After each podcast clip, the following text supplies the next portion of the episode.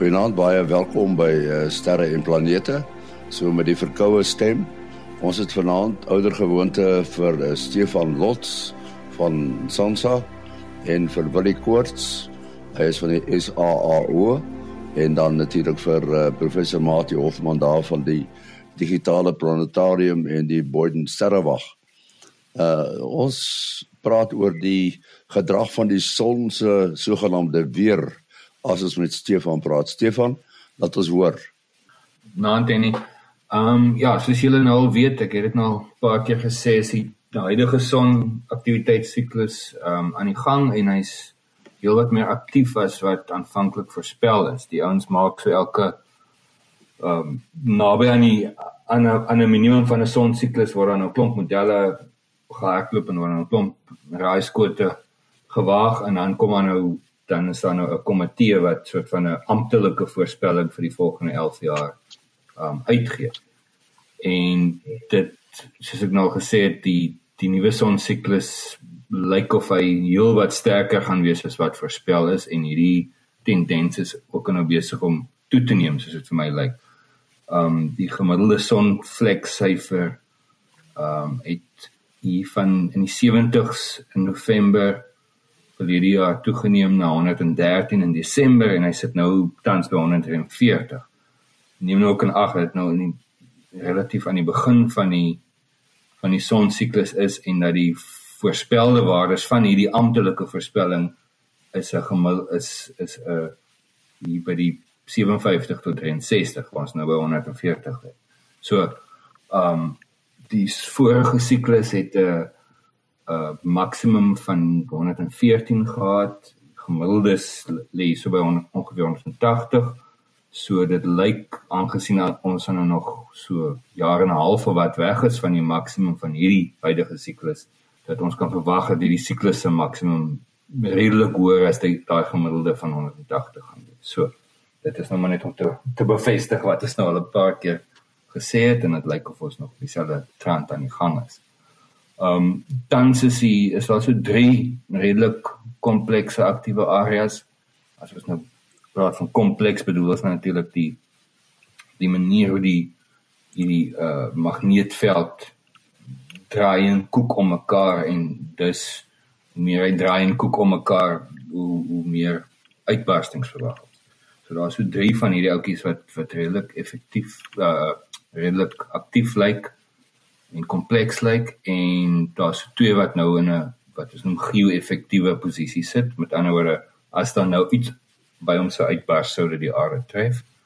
Uh maar die voorspelling vir die volgende week is dat so 'n bietjie matige aktiwiteit gaan wees. Die sonwind spoed oor die algemeen is besig om bietjie toe te neem en dan ook soos hierdie nuwe aktiewe areas meer na die aarde toe wys vir ons 'n bietjie meer aktiwiteit sien en dan dalk een of twee groot uitbarstings. Maar ja, so vir die volgende week sal ons sal ons sê die aktiwiteit sou sal effens toeneem.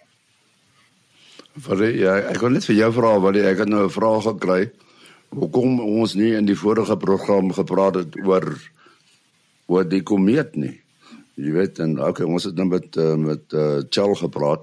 So waar staan ons met die komeet, Willie?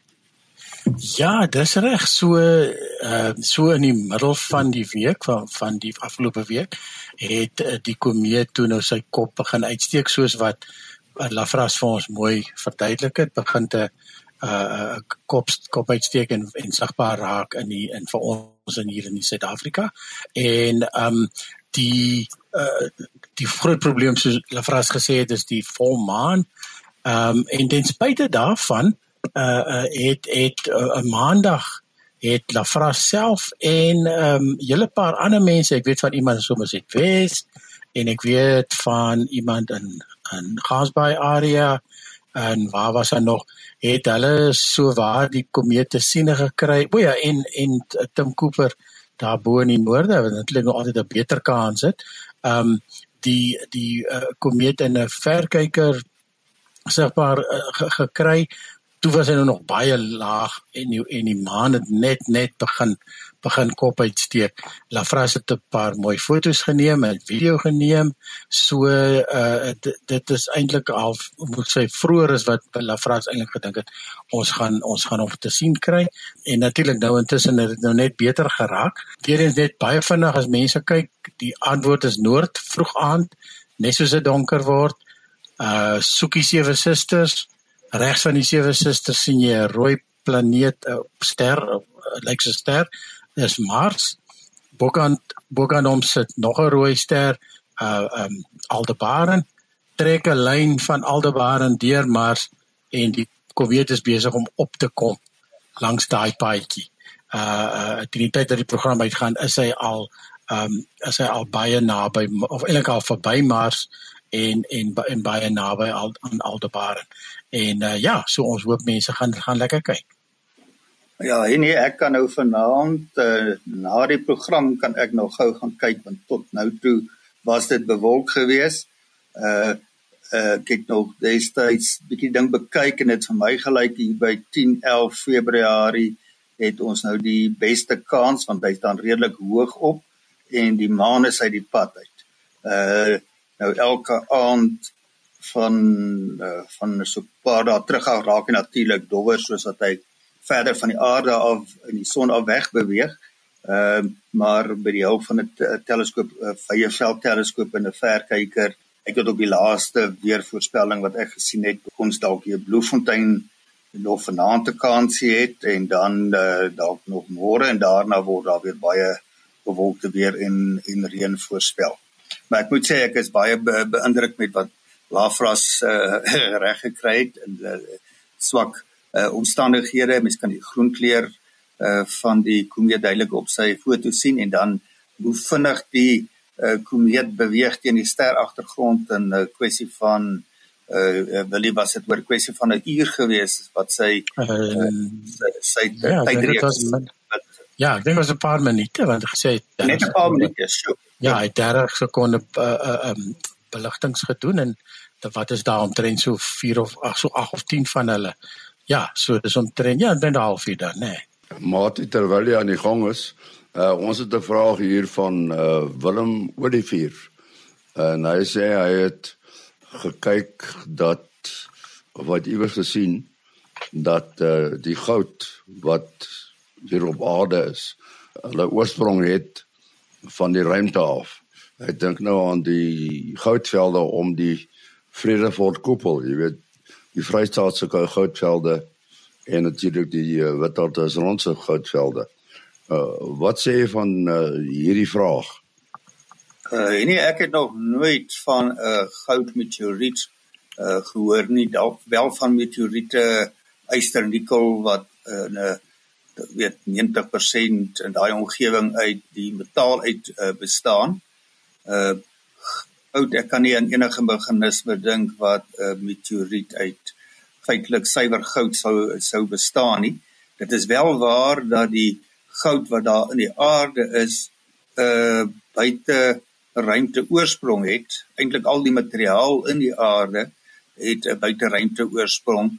Uh soos dat ons nou in die uh wetenskap vandag verstaan uh, met die model van die uh van die ster wat gebore is. Uit 'n roterende klomp materiaal uh en dit het in die ronde gedraai en uit die materiaal wat nou nie aan die ster opgeneem is nie wat nou oor uh, honderde miljoene kilometers uh versprei uh, versprei was of eintlik duisende miljoene kilometers het die planete deur gravitasie uiteindelik uh gevorm. Maar al daardie materiaal was deel van vorige generasie van uh van sterre dit in die vroeë vroeë heelal voor die eerste sterre het dit maar uit uh, uh, uh, oorweldigend waterstof en daarna 'n hele klomp helium en dan 'n klein bietjie lithium uh, bestaan. Maar toe is nou uh, is die elemente deur die nucleosintese uh, in die sterre deur kernreaksies, kernversmelting gevorm van die ligter elemente.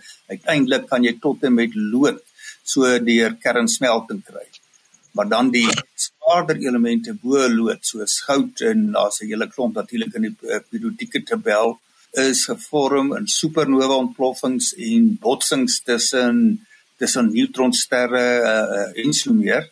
Nou so 'n paar jaar gelede was daar 'n baie merkwaardige gebeurtenis, die sogenaamde kilonova. Dit is 'n 'n voorwerp wat skielik baie helder geword het en dit het was hulle gelukkig om gelyktydig te kon waarneem met die gravitasiegolf detektore Virgo in Italië en dan LIGO 1 en LIGO 2 in uh, die VSA en dan het hulle dit ook met die uh die teleskope wat die gamma strale uh optel in die ruimte waargeneem. So dit was duidelik gekorreleer en dit het uh, natuurlik toe tot 'n uh, boodskap gelei uh, ge, ge, gelei wat aan die sterrewagte en sterrekundiges reg oor die wêreld gestuur is en dit het aanleiding gegee tot seker die grootste gelyktydige reeks waarnemings deur 'n verskeidenheid van uh teleskope uh, reg rondom die uh, aarde onder andere Salton South Africa in Suid-Afrika en uh, die Bode teleskoop hier uh, naby Bloemfontein ook. En in hierdie kilonova ehm uh, volgens die modelle wat hulle het wat hoe hulle sulke prosesse verstaan is daar ook 'n uh, paar die ekwivalent van 'n paar aardmassas van goud gevorm deur die kernreaksies en daardie absoluut ekstreme omstandighede. Uh so jy het om uh, die swaarder elemente as lood te kan uh, deur kernsmelting tot uh, te kan vorm moet jy baie meer energie uh insit as wat jy uitkry uit die versmeltingsproses. Tot en met lood is dit 'n eksotermiese reaksie. Jy het energie nodig om dit te laat versmelt, maar jy kry baie meer energie uh weer daaruit. Uh so uh, dit is nou maar een geval waar daar nou goud wat uh, gevorm word maar dit is natuurlik 'n klein persentasie van al die uh, elemente wat so gevorm word en so was dit dan ook in die in die vorming van die aarde dit bly vir my maar 'n bietjie van 'n misterie want ek is nou nie 'n geoloog nie. Maar as jy nou dink alles begin redelik homogeen. Uh en dan soos wat die aarde afgekoel het met al die prosesse van uh wat veroorsaak deur water in uh gesmelte lava het dit al meer heterogeen geword en die goed het in sekere mate van mekaar geskei dat jy nou 'n uh, uh, bietjie hoër konsentrasies by tyd plekke kry uh, en dan goudmyne daar kan kry maar selfs daar is ons nou maar 'n 'n redelike lae konsentrasie en nou moet 'n geweldige klomp moeite doen en energie en geld insit om dit gekonsentreer te kry. Uh, so dit is nou nie 'n volledige naaste by 'n volledige antwoord van hoe die goud op die in die aarde gekom nie, maar ek dink dit gee so buitelyne van dit het 'n oorsprong in vorige sterre wat ontplof het en daardie materiaal is weer vermeng met ander uh sterre en uh, uh materiaal in die ruimte en uiteindelik het dit in planete uh, uh, uh tot uh, gekonsentreer en daar was dan 'n klein breekdeel van daardie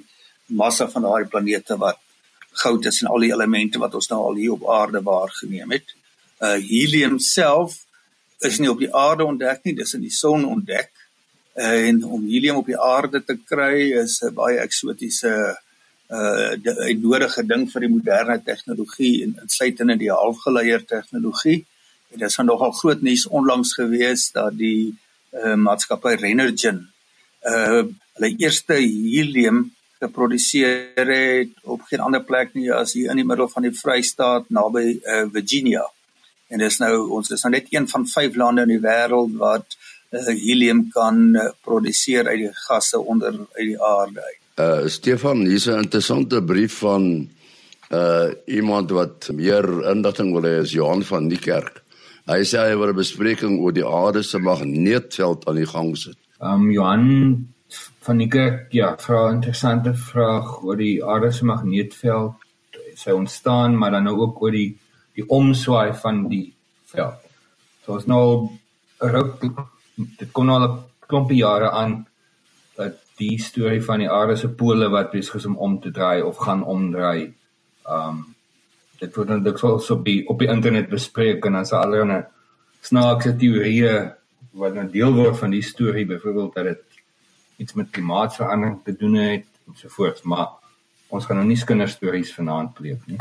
Um Johan Johan wil eintlik weet um hoe hierdie omswaai gebeur.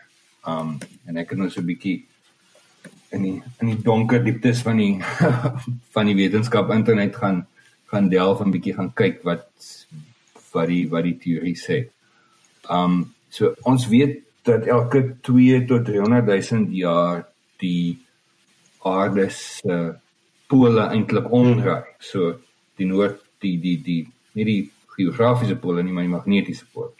So die noordpool wys is aan die suid en die suidpool pool noord. Um en ons weet dit teen na die belyning van ysterbrokkies nou maar te kyk in in ou rotsformasies. Um ons weet ook dat hierdie ja, soos ek sê elke 200 000 jaar moet daar so omkeer gebeur. Die ander ding wat toe nou ook in die nuus die afgelope ruk uitkom is dat die ouens nou agterkom het dat ons dit lanklaas gehad het. Dit was eintlik ehm uh, bietjie laat is in terme van daai 2 300 000 jaar um uh, rutine. En wat nou Johan nou wil weet is is wat is dit wat dit veroorsaak en of dit iets te doen het met die sogenaamde tennisraket meganisme of tennisraket stel. Nou ons gaan net gou 'n bietjie tennisbaan toe. Um in teoretiese terme is hierdie stelling verwys dit na die effek van 'n liggaam wat meer as een traagheidsmoment het. Hoe ons dit gewoonlik sien, hoe dit gewoonlik gedemonstreer word, is so 'n videoetjie wat in die ruimtestasie geneem is van 'n 'n skroef wat nou draai om sy om sy lang as en hy draai en draai en draai en die volgende oomblik draai heeltemal 180 grade om, hy wys na die ander kant toe, maar hy hou aan draai om daai as.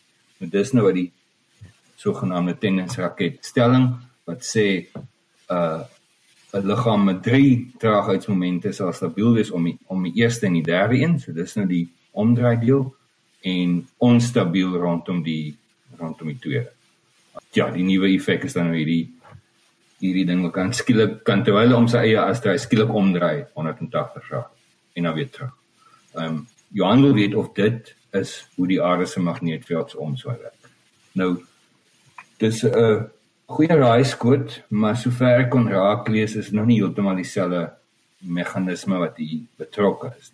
Die kort antwoord is ons weet nie presies wat dit is nie, maar dis iets wat eerder met die hidrodinamika of die as ons nou mooi groot woorde wil gebruik, die magnetohidrodinamika van die kern te maak het.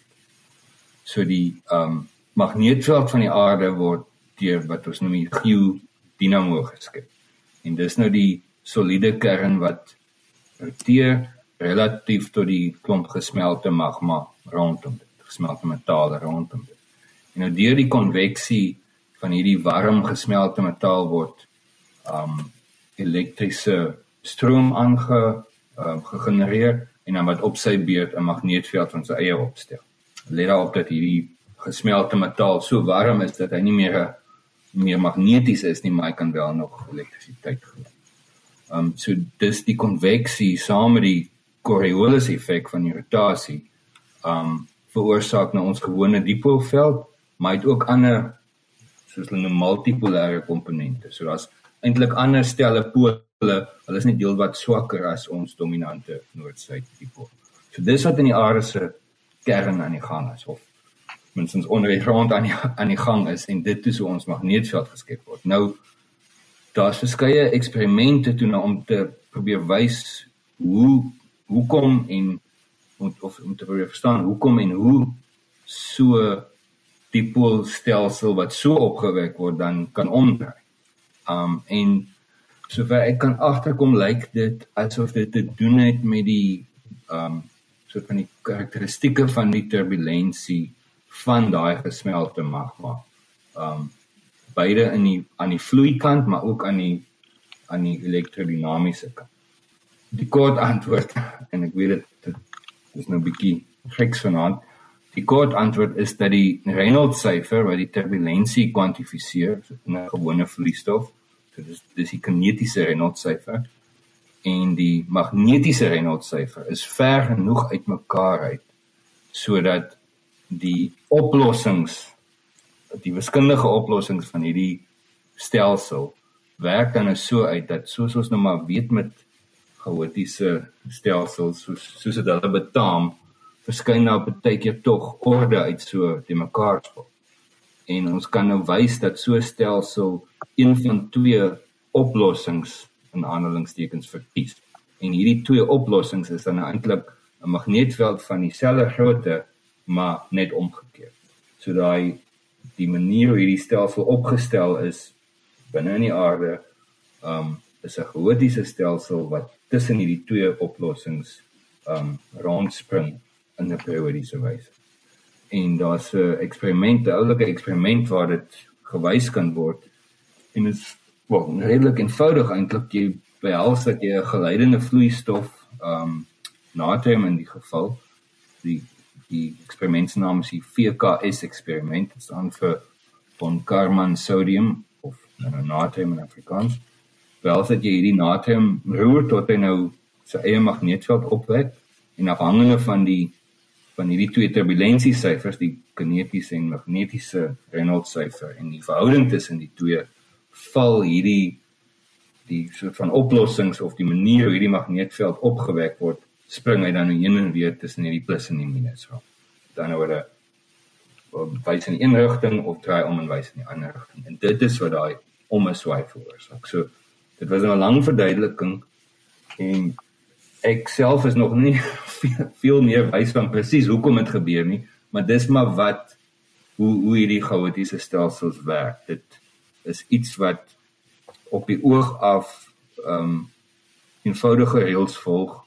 Dan as jy so 'n bietjie nader begin kyk, lyk dit totaal de mekaar. En as jy lank genoeg kyk of onregte toestande na hierdie ding kyk, neem hy tog 'n vorm van orde aan. En dit is waar ons sit met hierdie ja met met hierdie antwoord vir Johan. Ehm um, so ja, Johan, ja. dankie vir die interessante vraag. Ek sal my notas vir jou e-pos en dan dan kan jy self verder gaan lees en dat weet gerus. Um, ja, en en die saak laat my dink aan wat Einstein gesê het, uh explain something as simple as possible but not simpler. Ehm um, so iewers het mens die wiskunde wiskunde nodig. Ek wil net so so iets interessants net noem wat uh die meeste van ons in elk geval van bewus is breedweg en dit is nou die die die, die feit dat daar 'n verskil tussen magnetiese noord en ware noord is die magnetiese deklinasie en dat dit vir verander oor tyd en aansienlik verskil van plek tot plek op die aarde wat maar net aandui op 'n onderliggende gekompliseerdheid en oor die afgelope bietjie meer as 'n eeu het die posisie van die magnetiese noordpool in die rigting van van Kanada daarbo in Kanada het 'n paar duisend kilometer geskuif in die rigting van Siberië so verby die uh, amper in die rigting van die noordpool maar ver genoeg van die noordpool sodat die daai rigting van ons afgevat nie soveel uh verander het nie. Uh so daar is ook 'n stuk misterie oor hoe daardie magnetiese noordpool uh, uh beweeg. Uh En ja, uh, dit is dit is ongeag van die van die kompleksiteit van of die die nie konstantheid van die van die aarde se koers en goed self. Um hierdie die effek waarvan jy praat kom kom uit in baie skoon en vereenvoudigde rekenaarsimulasies van dieselfde storie. Um dat tydens so omswaai of um as mens aan as mens op pad is na so omswaai toe um, verswak die aarde se magneetveld, skuif daai pole rond soos jy sê. Wat ook kan gebeur is dat daar nog pole vorm. Ehm um, want soos ek aan die begin gesê het, die die veld wat opgestel word, het nie net 'n noord, het nie net een dipool nie, daar's eintlik 'n paar, hulle is net baie swak. Ehm um, en soos die soos mens nader kom aan daai omswaai begin hierdie ander dipole ook baie keer vorm, so mens kan nou daai nou daai omswaai tydperk waar daar kom sê meer as net een oor donderende uh ja. rigting is dat daar ook 'n bietjie op bepaalde rigtings sommer heeltemal aan 'n ander rigting uh uh magnetiese pole is. Hoe lank sou dit nou wees? Lanke vergelyking met 'n menslike leeftyd? Ja. So nee, kyk al al hierdie goed gebeur lank in terme van menslike leeftyd. So die die omswaai soos ek gesê het gebeur een keer in elke 200 000 jaar. Um ons is nou amper ek dink oor die 700 000 jaar na die vorige omswaai. En en so hele proses vat etlike duisende jaar. So ja. Alles so as, is ja. heeltemal te lank vir enige van ons om agter kom wat dan. So as dit nou in die laaste paar duisend jaar in 'n oorgangstydperk was, sou ons nie eers geweet het daarvan dat uh, daar 'n magnetiese noord en 'n magnetiese suidpool is nie. Ons sou maar net geweet het van totale chaotiese rigtings van die magnetveld reg rondom die aarde, min of meer. Ja, miskien net so interessantheid, ehm um, die naam Agallus. Ek weet nie, Stefan, jy weet seker wat dit beteken of, of of weet jy die betekenis van Agallus? Ja, iets met iets met naalde te doen. Uh, yes. Presies, dis die Portugees vir naalde en toe die Portugese seevaarders hier verbygekom het en maar het nog gepraat van die magnetiese afwyking wat wat skuif. Uh op daai stadium was by Agallus was die was daar geen afwyking nie. Ja. Die kompas het presies noord gewys. So ja, die, wat natuurlik waar noord nou. En hierdie ja, die die deklinasie, hierdie afwyking waarvan jy praat verander met ter tyd en dis iets wat ons by Sansa gereeld meet dwars oor Suider-Afrika. Um en dit word gebruik deur die weermag en lughawens en so om om seker te maak dat hulle kompasstelsels nog steeds akuraat is. Ja. Ons moet afsluit. Uh Stefan, jou besonderhede? Uh mens kan my e-pos by Stefan by ekskuus. Mens kan my e-pos by slots@sansa.org.za. Dis slots@sansa.org.za. Wat dit is 072 4579208 0724579208. En Almati 0836257154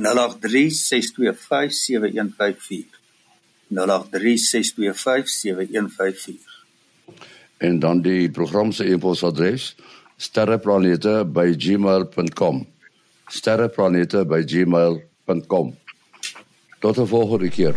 Mooi loop